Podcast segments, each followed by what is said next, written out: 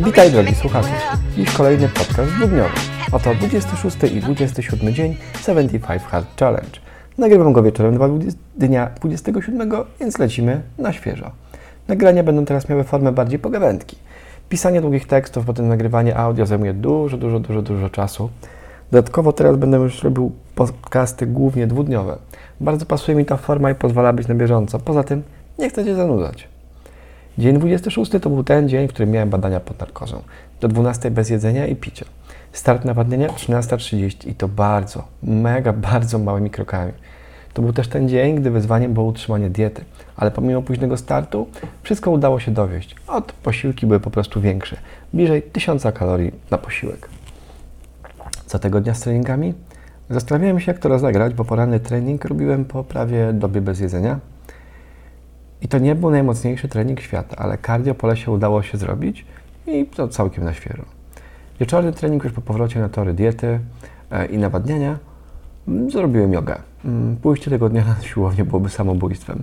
Joga fajnie wleciała, była taka chillowo regenerująca po tych ciężkich dwóch dniach i perypetiach z nawadnianiem, jedzeniem i tym wszystkim, co było e, już za mną, zrobiła bardzo dobrą robotę.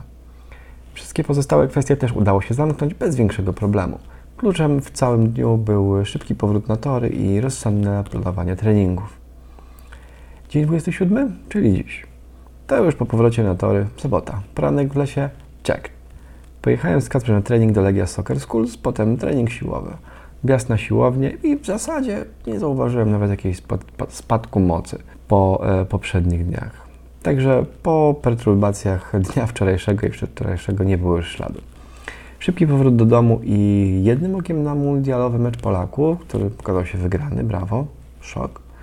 Drugie na ogarnianie chaty. Sylwia dziś wyjechała na branżową imprezę Let's Be Pro. Kubana robi mega postępy w branży ślubnej i mówiąc kolokwialnie, no nie bierze jeńców. Przez 3 lata budowaliśmy tą firmę wspólnie, teraz zostawiłem to już niemal w całości jej. Nauczyła się ode mnie wszystkiego, co się dało, a branża ślubna to mówiąc delikatnie, nie moja branża. Nie, to nie moja bajka. Ja zawsze się śmiałem, że e, Sylwia umie władne, ja nie umiem władne zupełnie. Raczej e, byłem cały czas gdzieś z tyłu w kwestiach bardziej zarządczych, e, finansowych, formalnych i tak dalej, i tak dalej. Natomiast ona sobie już tym doskonale radzi, czasem tylko mnie coś tam podpyta e, i podpowiadam. Natomiast Mary Yu to w zasadzie już tylko i wyłącznie Sylwia. Jeśli e, potrzebował lub potrzebowałabyś ślubnej pomocy, agencja Mary Yu jest do Twojej dyspozycji. Obecnie już jako członek Polskiego Stowarzyszenia Wedding Planerów, czyli jesteśmy w topce. Aha, i nie czekaj zbyt długo, bo kalendarz zapełnia się już na dwa lata w przód. Tygodnia już spokój chill. Nawodniony po dwóch treningach z utrzymaną dietą, brakiem alkoholu oraz zrobioną fotką postępów. E, za chwilę czas e, jechać do bazy. Tak, już też zostało przeczytane, e, podczas gdy Kacper usypiał. Wybija 21.59. Właśnie telefon przypomniał, że już jest bedtime. Czas się wyspać. To był Grzegorz Dobramiński i 75 Hard Podcast. Dziękuję Ci za słuchanie. Udostępnij i subskrybuj, jeśli Ci się podobało. I chcesz, aby inni stawali się silniejsi. Jesteś ciekawy, jak ludzie? Wpadnij tu jutro.